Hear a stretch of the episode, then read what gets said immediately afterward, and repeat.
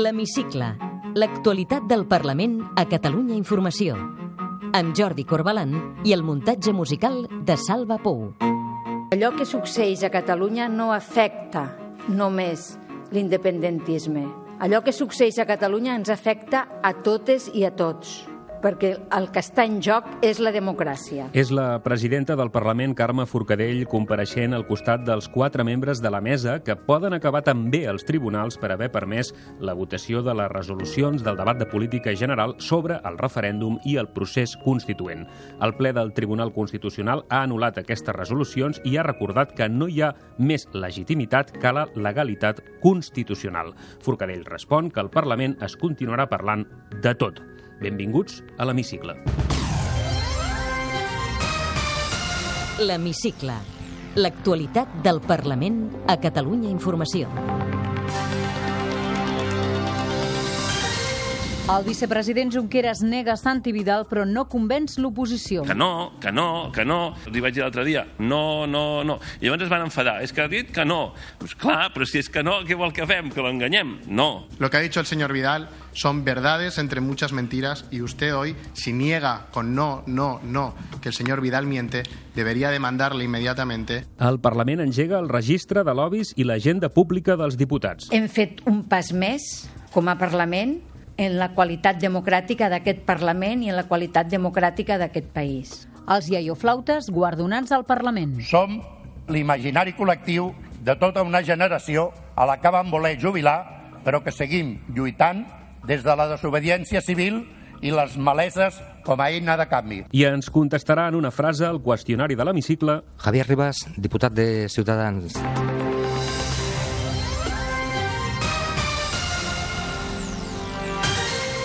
El Tribunal Constitucional deixa clar que Catalunya no té competències per fer un referèndum i que no hi ha més legitimitat, diu que complir la legalitat constitucional. És el que estableix la resolució del ple del Tribunal que anula les conclusions del debat de política general que preveuen el referèndum i el procés constituent.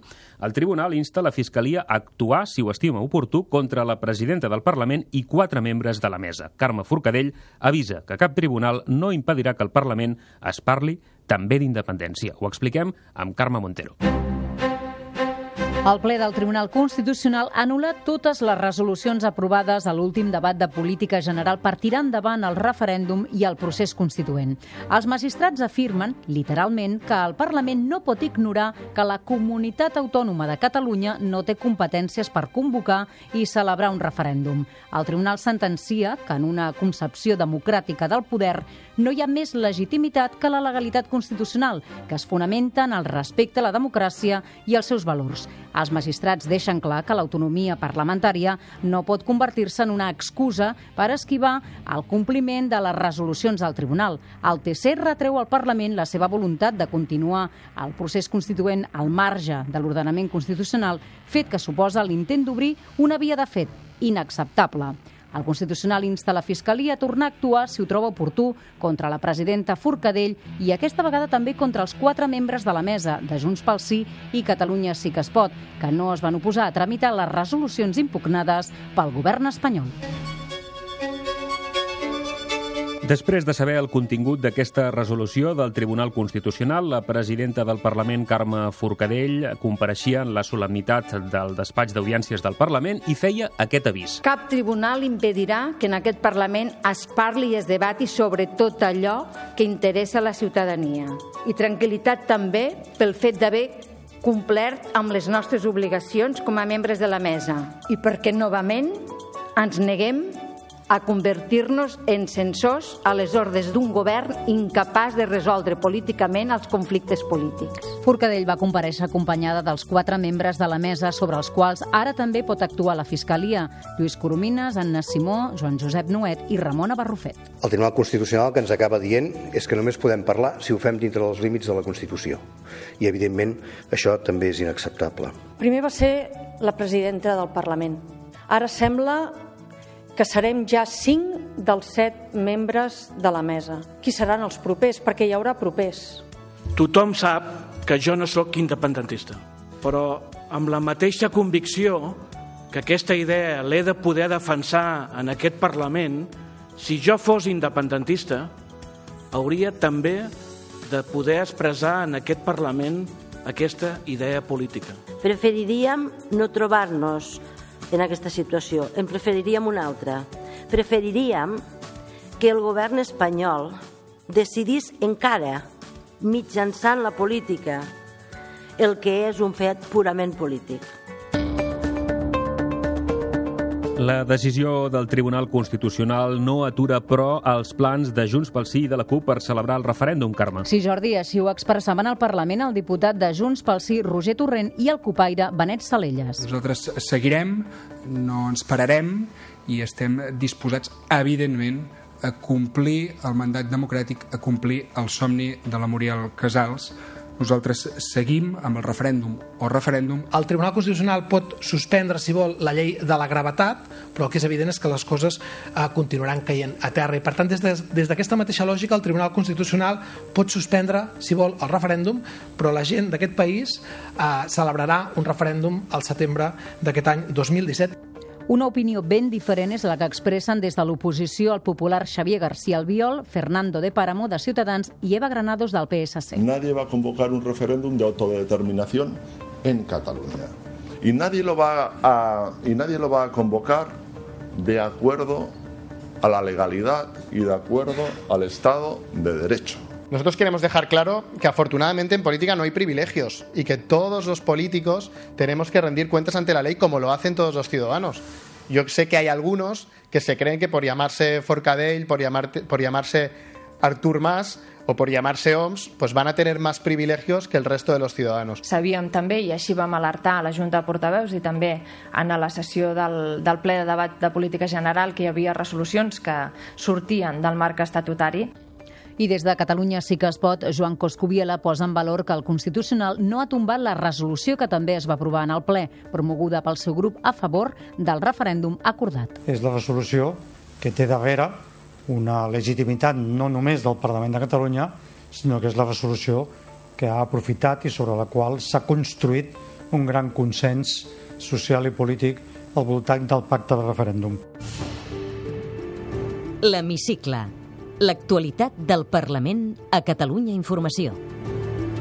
Els dubtes generats per les declaracions del eh, senyor Santi Vidal han fet, eh, en aquest sentit, mal al govern de Catalunya i també als professionals de l'agència tributària, uns professionals que gestionen les dades fiscals dels contribuents catalans amb absoluta professionalitat el cas Santi Vidal ha centrat aquesta setmana bona part de l'activitat parlamentària. El vicepresident Oriol Junqueras, que ara sentíem, va compareixer davant la Comissió d'Afers Institucionals dimecres passat per negar una per una les polèmiques afirmacions que li van costar el càrrec a l'exsenador republicà. Les eh, explicacions de Junqueras, que ara reproduirem, no van convèncer, però, l'oposició. Vostè deia, ¿han espiado a los ciudadanos? La respuesta es no. ¿Han usado datos fiscales obtenidos por otros impuestos? La respuesta es no. ¿Existe una unidad de contraespionaje? La respuesta no. Enviarà, ¿Animaran als, als ciutadans a incomplir les seves obligacions? No. Uh, van a fer listes de buenos i malos? No, no les hem fet, no les fem, uh, no les farem no les hem fet mai. Per què, per què hem de fer una cosa que no hem fet mai? Per l'amor de Déu, però, però, però, però per qui ens han pres? No, per tant, no, ni buenos, ni malos, ni, ni res. Les llistes eh, les fan d'altres. Faran llistes eh, de jueces? Preguntava vostè. No, ni de buenos, ni de malos, ni de ningú, ni de jueces, ni... no, no. Eh, si a mi em sembla que els no independentistes han de marxar. Clar que no. Si nosaltres estem fent aquest projecte precisament perquè tothom hi visqui millor i perquè tothom s'hi senti més ben acollit. 400 milions per un referèndum, però quin referèndum us penseu que farem amb 400 milions? Però serà... serà... Escolta, que no, que no, que no. Ha camuflat partides? No, que no, però si ja ho hem dit 200.000 vegades. Quantes vegades molt més que ho diem? Ho podem dir tantes vegades com faci falta. No, no les hem camuflat. Per moltes raons. Primer, perquè no camuflem res. I segon, perquè no necessitem camuflar res. No, no ho fem. Vaig dir l'altre dia. No, no, no. I llavors es van enfadar. És que ha dit que no. Pues clar, però si és que no, què vol que fem? Que l'enganyem? No, no. Espero que hagi quedat clar. Doncs l'oposició no es va donar per satisfeta amb aquestes explicacions de Junqueras i estudia demanar una comissió d'investigació al Parlament per arribar al fons de la qüestió. Els grups de l'oposició no entenen per què el govern no ha denunciat Santi Vidal si tot el que ha dit és fals. Sentim Fernando de Paramo, de Ciutadans, la diputada del PSC, Alicia Romero, i Joan Coscubiela, el portaveu de Catalunya Sí que es pot. No me creo sus palabras, señor Junqueras. No me creo sus palabras, porque si el señor Vidal fuese un mentiroso, usted lo habría dicho. Lo que pasa es que ustedes solo lo han dicho cuando ya no les ha quedado más remedio. Si vostè totes les respostes que em dona és que és, fals, que totes són falses, que les afirmacions del jutge Vidal són falses, jo li demanaria com és que vostès, com a govern, no han iniciat cap actuació ni cap acció penal contra el jutge Vidal. Un bon dia ens anirem a dormir amb la legislació espanyola i l'altre dia ens aixecarem amb la legislació catalana. Vostès estan jugant a la gran astúcia. I la gran astúcia és la gran estafa. El portaveu popular Alejandro Fernández va fer aquest pronòstic. Començo a tenir la percepció que quan avancin les investigacions aquest cas serà el seu Watergate particular. Segur que vostè hi entén molt de Watergates perquè el seu partit en gestiona dotzenes de Watergates simultàniament. El Gürtel, el Bigotes, el, tots aquests que ja arriba un moment que n'hi ha tants que, que, que som incapaços de, de fer la llista. Junqueras sí que va convèncer la CUP i Junts pel Sí, parlant al copaire Carles Riera i el diputat de Junts pel Sí, Roger Torrent. Per nosaltres, cas tancat. Mm? Eh, nosaltres creiem, volem creure, que l'acció del seu govern eh, respecta els drets i els deures de tothom. Es demanava que es responguessin monosil·làbicament i el vicepresident ho ha fet. Per tant, per nosaltres també tanquem aquí aquesta, aquesta qüestió. I el mateix dimecres, el secretari d'Hisenda de la Generalitat compareixia a la tarda davant la Comissió d'Economia i Hisenda. Lluís Salvador va assegurar que mai ha parlat amb Santi Vidal de les dades fiscals dels contribuents catalans. El secretari d'Hisenda va afirmar que la Generalitat utilitzarà les dades fiscals dels catalans d'acord amb el que digui el Parlament. Salvador va negar que el govern hagi comès cap il·legalitat mai en la vida he parlat de bases de dades fiscals amb el senyor Santiago Vidal i que en tots els respectes eh, això és eh, la realitat. Salvador va explicar que no s'han emprès accions legals contra Santi Vidal perquè no ha fet cap acusació contra la Secretaria d'Hisenda ni contra l'Agència Tributària. Després de les explicacions del vicepresident Junqueras i del secretari d'Hisenda, l'oposició medita demanar una comissió d'investigació per arribar al fons de les afirmacions de Vidal. Perquè prosperi cal que la demanin almenys tres grups. De moment ja ho han proposat el popular García Albiol. Se dieron muy pocas explicaciones sobre esta materia. Por este motivo, desde el Partido Popular de Cataluña vamos a pedir con el resto de grupos parlamentarios, vamos a trasladar de forma oficial que creemos que es de todo necesario la convocatoria de una comisión de investigación. L'Hemicicle. El Parlament a Catalunya Informació. I qui també demana explicacions i compareixences al Parlament és en aquest cas el grup parlamentari de Junts pel Sí i ho fa arran de les gravacions que s'han fet públiques aquesta setmana sobre l'origen de l'anomenada Operació Catalunya. Junts pel Sí vol que es presentin al Parlament la vicepresidenta Sainz de Santa Maria, el cap de gabinet de Rajoy, Jorge Moragas, el delegat del govern, Enric Millo, i els comissaris Villarejo i Martín Blas. Sentim el diputat Roger Torrent. Això és un veritable escàndol democràtic, una vergonya, una vergonya antidemocràtica, una vergonya i un escàndol per un estat de dret. El registre de lobbies del Parlament ja funciona. A partir d'ara s'hi hauran d'inscriure les persones i les entitats que mantenen contactes amb diputats per tal d'influir en la tramitació de les lleis. La taula d'entitats del tercer sector i l'Associació pel Refugi Casa Nostra, Casa Vostra són les primeres entitats que s'han inscrit en el registre de grups d'interès del Parlament, pioner a l'estat espanyol que culmina el desplegament de la llei de transparència. Sentim la presidenta Carme Forcadell. Que de vegades això de grups d'interès o lobbies té una connotació negativa. Nosaltres, al contrari, entenem que en totes les democràcies hi ha grups d'interès que són legítims, que és sa, que en democràcia n'hi hagi, i això és veritat que requereix un canvi de mentalitat i estem treballant perquè sigui així. Però els diputats també tindran obligacions. Els diputats i diputades, a partir d'ara, a partir ja d'avui, perquè ara ja ho posem en funcionament, hauran de fer pública totes les reunions que tinguin amb els grups d'interès hauran de ser públiques, és a dir que no hi ha cap, cap termini ni, ni cap temps de transició, ja és ara, a partir d'ara ja és públic. Tot es pot consultar al portal de transparència del Parlament. I la Cambra Catalana ha acollit aquesta setmana un seminari internacional sobre el respecte dels drets humans per part de les empreses. Les jornades, organitzades per l'Institut Català Internacional per la Pau, han analitzat l'impacte de les empreses sobre els drets de les persones i el medi ambient, amb la participació d'una vintena de ponents internacionals, membres d'entitats, organitzacions i institucions públiques. Xavier Mas Llorenç, president de l'ICIP, feia aquesta reflexió al començament de la jornada. No és que els grans lobbies empresarials del món estiguin influint desmesuradament en els governs és que el negoci s'ha fet govern. La presidenta del Parlament, Carme Forcadell, va recordar el compromís del legislatiu català per garantir que les empreses catalanes respectin els drets humans arreu on estan implantades. Més de 3.000 empreses catalanes operen a l'exterior directament o a través de 8.000 filials. I sobre drets humans, el síndic de Greuges reclama al Departament d'Interior que apliqui el protocol d'Istanbul en el trasllat dels detinguts que afirmen haver estat maltractats en dependències policials. Rafael Ribó va presentar dilluns en comissió l'últim informe del Mecanisme Català de Prevenció de la Tortura. És inadmissible que quelcom que és internacionalment reconegut, que quelcom que és elemental i de sentit comú, com podem portar a revisió mèdica algú que diu que ha estat objecte de maltractament, que ho diu, no dic que ho hagi estat, amb el mateix funcionari de la policia, que el millor és el que el detingut està dient que ha estat el subjecte dels maltractaments, amb una excusa de seguretat. L'Hemicicle. El col·lectiu dels anomenats iaioflautes rebia dimecres al Parlament el Premi Solidaritat 2016. El guardó de l'Institut dels Drets Humans de Catalunya distingeix el compromís i la lluita d'aquest moviment a favor dels més desafavorits.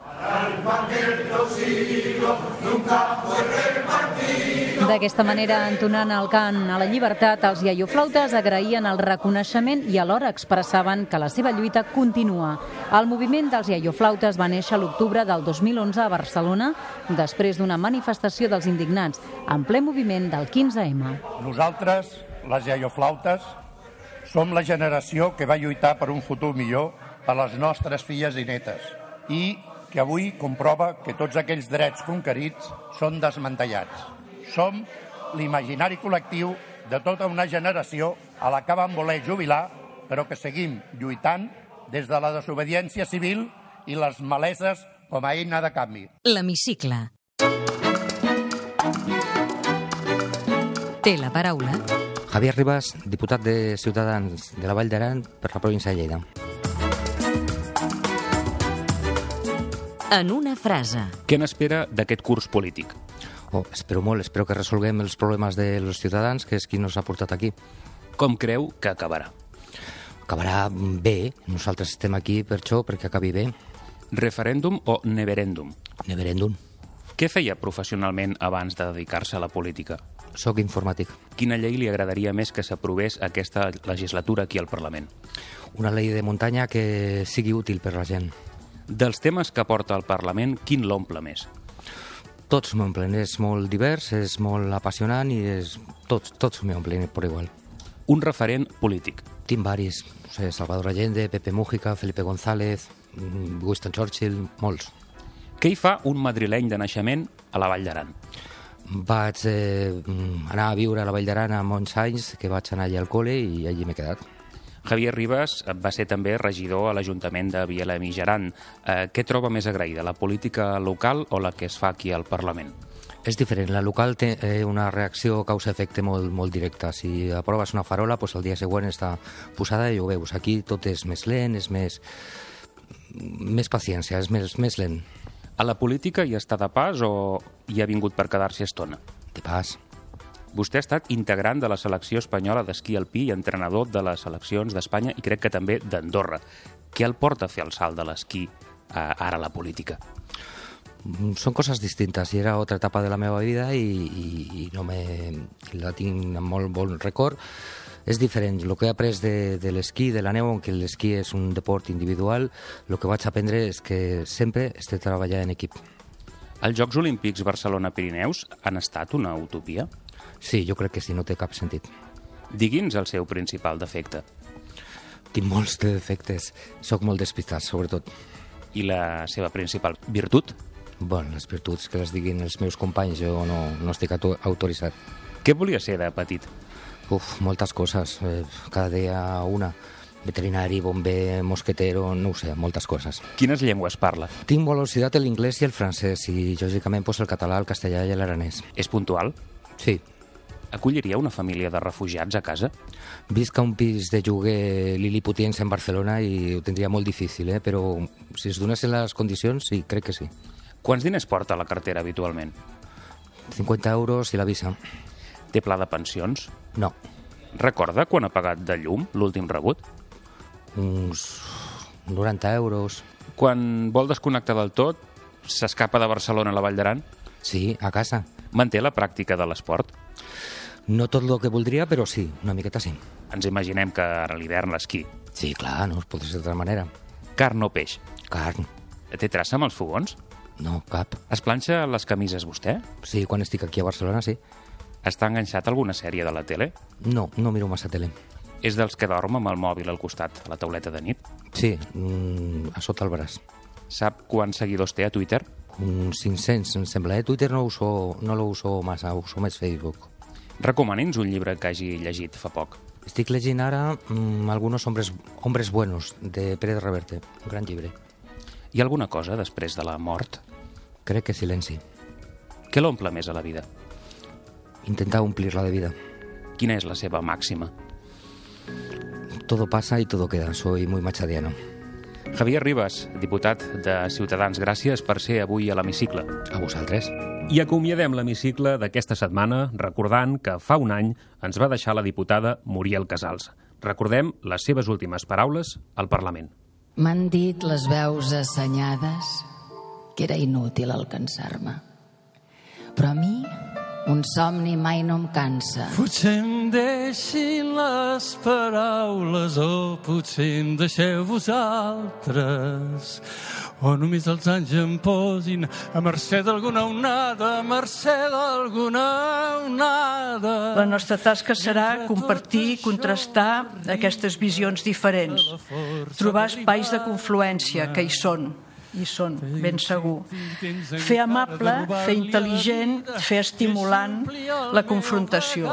No serà un camí molt fàcil, però serà un camí interessant i ho serà per nosaltres i ho serà per molts dels nostres conciutadans que estaran pendents de la feina que farem. I mentre tot això m'arriba, vida, vida,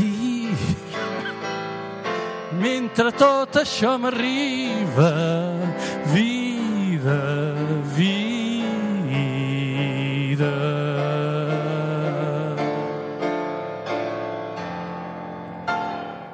Podeu tornar a sentir l'hemicicle al web catradio.cat barra hemicicle i seguir l'actualitat del Parlament al compte de Twitter arroba cati-política.